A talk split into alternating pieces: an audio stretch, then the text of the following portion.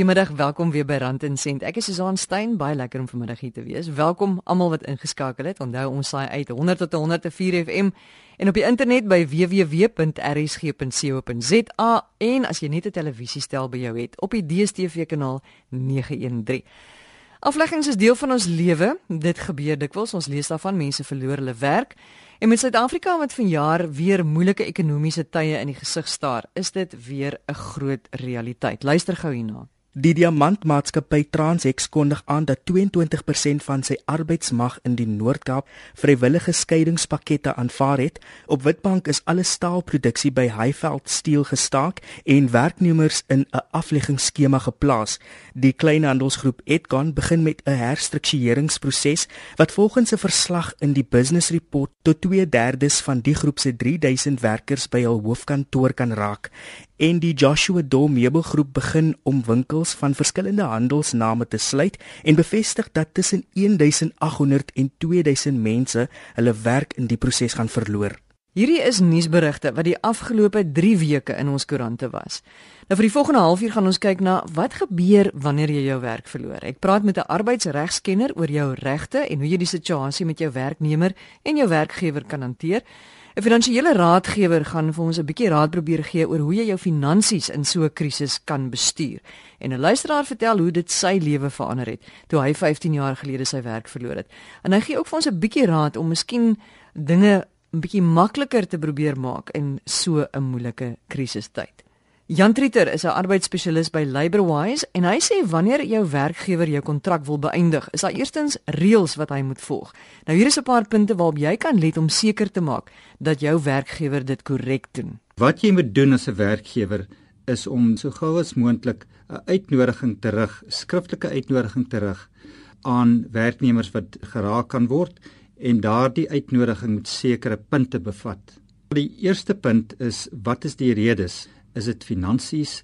Is dit 'n tydelike ding dat aan die uh, bestellings inkom nie? Die tweede ding wat jy moet doen is om aan te dui watter alternatiewe jy as werkgewer reeds oorweeg het en waarom daai alternatiewe nie werkbaar is nie. Die derde ding is die getal werknemers en hulle werkkategorieë. Vierdens, die metode wat jy voorstel vir selektering. Die vyfde punt is die tydstip wanneer jy effektief die werknemer se dienste wil beëindig of die tydperk waaroor jy dit wil doen. Die sesde punt is wat is die voorgestelde uittreeloon? Daar is 'n minimum uittreeloon wat voorgeskryf word, maar dit kan ook onderhandel word. Dan moet jy voorstel wat se bystand jy moontlik aan die werknemers kan verleen, die wat geraak word.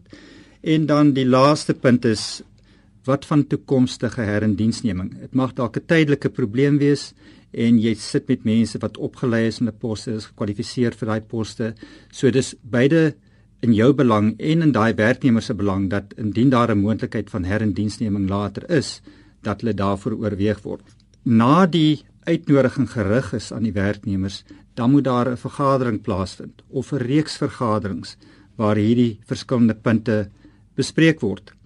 Dit mag byvoorbeeld wees dat op die heel eerste punt, die kwessie van alternatiewe of liewer die tweede, werknemers dalk bereid is om nie 'n verhoging te neem nie en dat hulle op daai manier hulle werk kan behou of dat hulle halfdag werk of vir 'n tydperk halfdag werk. Daar's verskillende dinge wat waar mense gesprek kan tree wat 'n positiewe uitkoms kan hê vir beide partye. As die voorstel is dat jy later die middag in gesprek tree met die werkgewer, dan sou dit onbillik wees. So die eerste ding wat jy sal doen is jy, jy sal sê wel wanneer gaan ons die vergadering hê? En as dit die volgende dag is, kan jy dalk voorstel dat dit 2 dae later geskied. 'n Redelike werkgewer sal waarskynlik daartoe instem as mens nou dink aan die moontlike impak daarvan. So dit is die eerste ding wat jy moet doen. Die tweede ding is jy moet werklik kreatief gaan sit en dink. Baie werknemers se eerste reaksie is ja, die werkgewer wil net vir my ontslaa raak, maar dit is nie noodwendig die geval nie. Jy kan 'n konstruktiewe bydrae lewer en daar kan dalk 'n alternatief na vore kom wat tot die besigheid se voordeel kan wees. Daar kan dalk moontlikhede wees wat ontstaan wat die werkgewer nooit eers aan gedink het nie. Daar's dalk ander besigheidsgeleenthede wat jy nog nooit met die werkgewer gedeel het nie.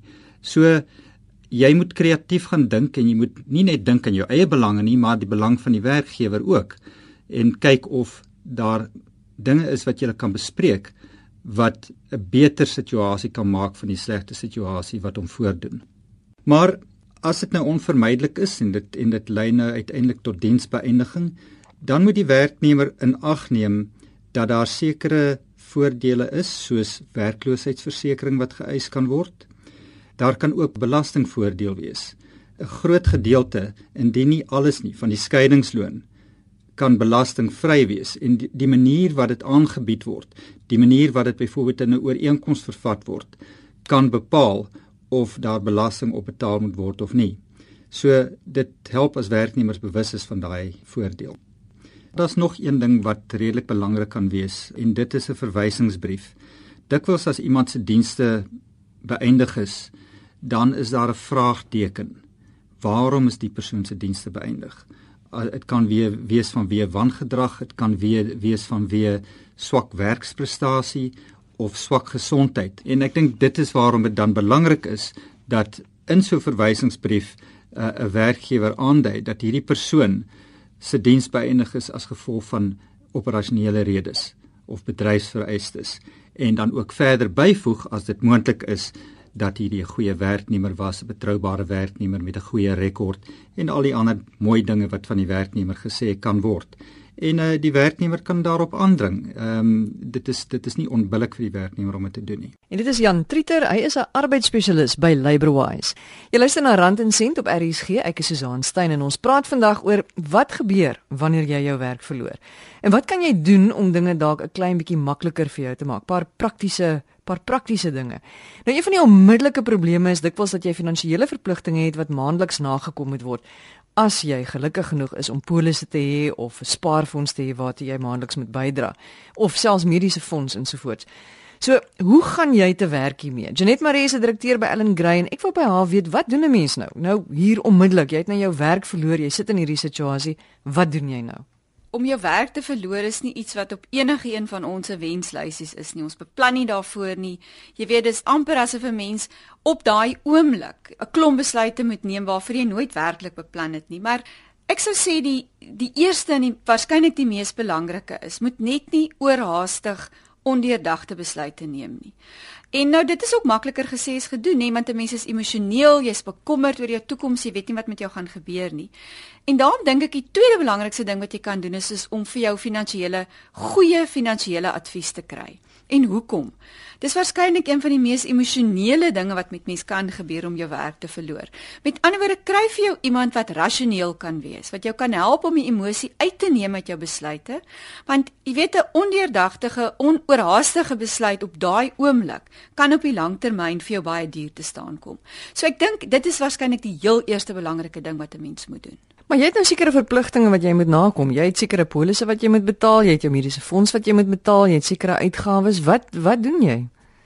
Dis waar 'n goeie finansiële adviseur vir jou kan help om te sê, "Goed, kom ons gaan sit, kom ons gaan kyk wat jou beplanning nodig is, weet wat die beplanning is wat jy nodig het om te doen op daai oomblik."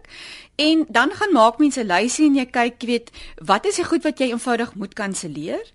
As jy byvoorbeeld in 'n in een van ons meer moderne uitredingsaniteite belê is, dan gaan vra jy vir uitstel. Dis amper soos 'n vakansie dat jy vir 'n lang ruk nie jou bydraes betaal nie.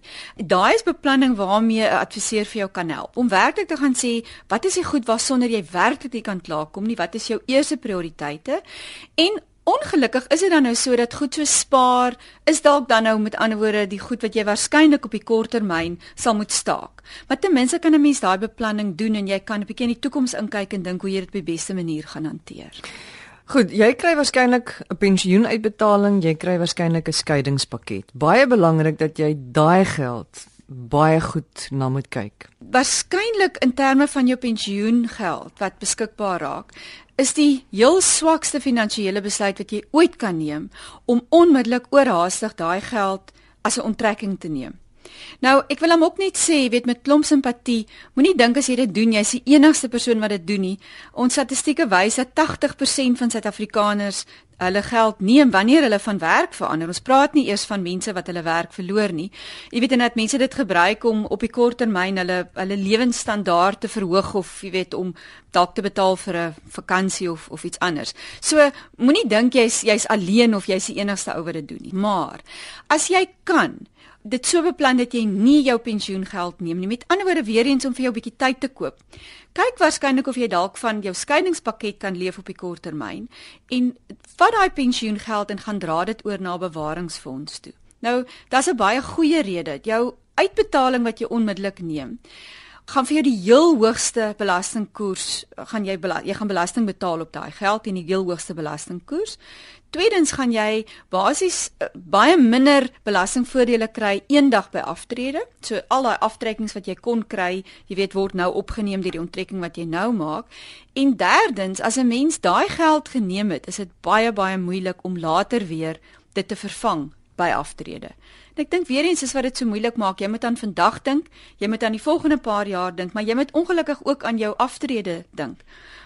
Een van die voorbeelde wat ek kan gebruik is as jy byvoorbeeld op ouderdom 25 begin spaar het in 'n uitredingsaniteit of in 'n pensioenfonds en teen ouderdom 35 neem jy al jou geld. Al begin jy op die volgende dag weer teen dieselfde koers spaar, gaan jy 40% minder beskikbaar hier by aftrede. Nou ek weet dis nou 'n klomp inligting en dis goed dat jy nie noodwendig nou wil hoor nie want jy's in 'n baie moeilike situasie. Maar weer eens jy weet dis waar 'n bietjie advies vir jou kan help om te sê kyk, daar's 'n lang toekoms waarvoor ons moet beplan. Jy praat van 'n bewaringsfonds. Wat presies behels dit? Of jy op die oomblik in 'n pensioen of in 'n voorsorgfonds is, is daar 'n bewaringsfonds opsie beskikbaar. Nou dis beskikbaar wanneer jy van werk verander of wanneer jy natuurlik dan nou ook jou werk verloor. Nou die voordele van 'n bewaringsfonds is dat al die voordele wat jy in jou pensioenfonds of in jou um, voorsorgfonds gehad het voor aftrede word bewaar in 'n bewaringsfonds. Maar daar's een groot voordeel wat 'n mens hoop jy nooit van hoef gebruik te maak nie, maar wat wel 'n opsie is wat beskikbaar is veral wanneer jy jou werk verloor. En dit is dat jy enige tyd tot by aftrede een onttrekking kan maak uit jou bewaringsfonds. Daai onttrekking kan dan net 'n gedeelte wees of dit kan die volle bedrag wees. Nou ons het nou reeds gepraat oor die implikasies van 'n volle onttrekking. Hoopelik kan jou goed so beplan dat jy net 'n gedeelte hoef te onttrek, maar die opsie bestaan wel. En ten minste dink ek ook wat dit doen is dit gee jou so bietjie meer tyd om beplanning te doen en om te dink oor, jy weet wat die toekoms gaan inhou, maar jou geld is nie vas of weg of ontoeganklik as jy dit in die toekoms sou nodig hê om 'n onttrekking te maak nie. Net wat moet jy nie met jou geld doen nie? 'n mens se natuurlike reaksie is om dalk presies dit te doen wat ek dink mens nie moet doen nie. Moenie jou onmiddellike uitbetaling neem, dit in jou bankrekening laat inbetaal en krediniersware daarvan koop nie. Wat bedoel ek daarmee? Probeer om jou onttrekking te neem as jy hom moet neem om hom te belê dat dit dalk vir jou 'n inkomste kan verskaf waarvan jy kan lewe. Weereens terwyl jy kyk na ander opsies, kyk na ander werk, kyk hoe jy in die toekoms jou jou inkomste kan aanvul. Maar probeer om jou kapitaal op 'n manier te bewaar deur vir jou 'n inkomste te verskaf en of om dit te gebruik om miskien vir jou 'n besigheid te koop. Nou ek is nie die ekspert op die gebied van om 'n besigheid te begin nie, maar ek dink tog die belangrike is As jy dit in jou bankrekening inbetaal en jy betaal jou rekeninge daarmee en jy koop jou krediniersware daarmee, as daai geld op is, is dit op. En as jy intussen tyd nie 'n ander plan kon maak om weer 'n inkomste te verskaf nie, dan natuurlik, jy weet, uh, sit mense in 'n in 'n baie baie moeiliker situasie. So probeer om dit so te belê dat dit of vir jou 'n inkomste verskaf of dan nou as jy die geleentheid het om 'n besigheid te begin waarmee jy dan weer vir jou 'n inkomste kan in die toekoms te kan verseker. Maar ek dink 'n belangrike ding is 'n mens verloor jou werk, jy's in skok, jy voel verleë, jy voel miskien jy wil voortgaan met jou met jou huidige lewensstandaard en dan gebruik jy sekerlik daai geld en jy dink ag okay, ek gaan dit nog gebruik en gebruik en dis jy's die fout wat 'n mens maak, hè? Ja, dis reg. Jy weet vir 'n gewone ou wat van 'n salaris geleef het, al kry jy, jy weet, eh, kom ons sê 'n miljoen rand, skielik 'n verskriklike klomp geld om beskikbaar te hê. En mense sien dit baie, jy weet, mense gebruik dit om hulle huise te verbeter en om hulle amper hulle onmiddellike omstandighede te verbeter, maar jy weet, die probleem daarmee is dit alles is op die ou ende tydelik.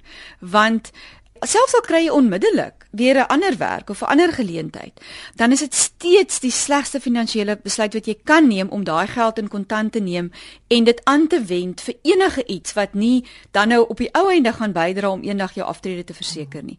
Want kom ons sê jy's 'n paar maande sonder werk en jy begin heeltemal van voor af om weer te spaar vir aftrede Die voorbeeld wat ek reeds gegee het, bewys eintlik vir jou hoe moeilik dit is om ooit daai jare op te vang. En die groot rede natuurlik is jy jy verloor die waarde van van saamgestelde rente. Jy weet daai eerste paar jaar wat jy begin spaar is eintlik aan die einde van die dag die meeste werd op die langtermyn in terme van spaar. En dit kan jy nooit weer opmaak nie. Dis Janet Maree, sy is 'n direkteur by Allen Gray en ons praat dus oor wat jy kan doen as jy jou werk ook vir jaar verloor. In die eerste deel van die program het 'n arbeidsspesialis en 'n finansiële kenner praktiese wenke gegee. Nou hoor ons by 'n luisteraar, John Kok, hoe sy lewe geraak is nadat hy 15 jaar gelede sy werk by Sanlam verloor het. Hy is vandag die eienaar van Cape Car Rentals, maar sê hy dit was 'n moeilike pad om tot hier te stap. Ek wil eerlik vir jou sê vir my was dit nie maklik nie. Dit bring geweldig baie onsekerheid. Jy weet nie waar gaan ek my volgende geleentheid vandaan kry nie. Jy soek en dit is nogal sleg om te sien dat dit met die familie ook sleg gaan, jy weet. Dis vir hulle ook baie swaar in daai tyd. Dit skep vir hulle onsekerhede. Ek het nog 'n uh, huisverband skuld en ek moes mediese fonds betaal. So ek het maar mooi beplan om elkeen van daardie geldjies maandeliks te betaal. Ek kon dit doen. Ek het 'n uh, baie mooi strandhuis gehad. Ek het 'n fabriek gehad wat ek self ontwikkel het en gebou het en verhuur het. En ek moes al hierdie goed verkoop. So eintlik het ek my kapitaal wat ek opgebou het en pensioen en so aan wat ek opgebou het, het ek alles verloor. Ek het gelukkig dit gehad om my familie te kon onderhou in die tyd. Maar dit was maar altyd meet en pas om by mekaar te kon kom. John sê dit 'n mens as gevolg van die finansiële druk dikwels te gou by 'n nuwe werksituasie betrokke raak. Jy het 'n skeiingspakket wat geoormerk is om jou te help vir 'n rukkie en jy moet dit gebruik daai tydjie om liewer stadiger te vat en die maandelikse kostes met die skeiingspakket te betaal en dan nie so vinnig in 'n nuwe ding te spring nie. Ek het definitief te vinnig in goed ingespring. Maar ek dink 'n mens hoef nie spesifiek in 'n besigheid in te gaan nie. Ek dink die volgende persoon kan in dieselfde bedryf wat hy is op sy eie gaan of in dieselfde bedryf net die net dit waarin hy opgelei is Ek dink dit is waar 'n mens moet probeer om vir jou 'n nuwe geleentheid te soek en te kry. Ek het na iets heeltemal anders gegaan. Ek het koeldrank gaan maak. Ons het 'n uh, 'n goeie besigheid gehad, maar ek voel so, jy weet, um, ek is onkundig en elke keer as ek moet ek hou van mense en ek wil graag met mense saamwerk. Steede daarvan dat ek my eie gegaan het, het ek elke keer met iemand gaan saamwerk. Ek het gevoel as ek weg is by die ou met wie ek saamgewerk het, het hy meer geld oor as wat ek gehad het. John sê dis nie omdat enige iemand hom ooit ingedoen het nie, maar dis omdat hy net nooit regtig aan homself geglo het nie. Dit is omdat ek elke keer met 'n vernoot wil saamgaan. Ek glo elke keer in iemand anders en daar's soveel mense daar buite wat vir jou vertel hoe maklik hierdie besigheid is. Veral as daar 'n uh, agentskap of franchise of hierdie soort van ding aangekoppel is. Jy moet baie mooi weet wat jy doen en daar's daar's nie so ding soos maklik geld maak in die wêreld nie. As 'n mens hard werk en eerlik werk, dink ek kan 'n mens 'n lewe vir jouself daar uitmaak. Maar um, om te gaan geld uithaal en te belê om 'n inkomste te verdien is nie altyd reg nie. Ek dink 'n mens moet nou maar liewer vir 'n baas gaan werk en en 'n basiese inkomste kry. Anders vat dit jou dalk 15 jaar soos ek. Daar seker ander mense wat dit kan vinniger doen as wat ek dit gedoen het, maar vir my het dit lank gevat. John sê hy het eers die finale keerpunt bereik nadat hy byna alles verloor het en nie meer na mense toe kon gaan om same besigheid te begin nie. Nie eers toe ek op my eie gegaan het en self gesê het nou is daar niks meer geld om op terug te val nie. Ek kan nie meer iets verkoop nie. Het ek myself uitgespring en skielik het dit wat ek begin doen het vir my gewerk. Nou het ek nie meer geld belê om geld in te kry nie. ek het eers begin om 'n paar huise te verkoop en bietjie daaruit geld gekry en vir my paar karre gekoop en dit verhuur en ehm um, eintlik het dit met my baie goed gegaan van toe af. As ek sê baie goed, dis nie soos dit destyds met my gegaan het nie, maar ek het 'n besigheid wat groei wat ek dink ons nog op ver pad kan vat. En sê John, ten spyte van die swaar kry en die moeilike tye en die onsekerheid, het daar tog iets goeds hier uitgekom, ook vir sy kinders. Dit bring ook baie geleenthede vir jou kinders en dit maak vir hulle ook uiteindelik sterk as hulle deur so 'n geleentheid kon gegaan het. Ek kon nie meer vir my kinders die sakgeld gegee het wat ek in die verlede gedoen het nie, maar my een dogter het gegaan en begin brownies bak en sy het elke dag so 2 liter Tupperware bak vol brownies skool toe gevat en dit verkoop. Weet sy het haar eie besigheid leer ken. Vandag dink ek is sy baie selfstandig en ek dink dit maak vir 'n kind op 'n ander manier sterk. Jy weet dit is swaar en eintlik wil ek nie hê dat sy moet die swaar kry beleef deur elke dag brownies te maak en te gaan verkoop nie en ek kon maar vir haar geld gegee het.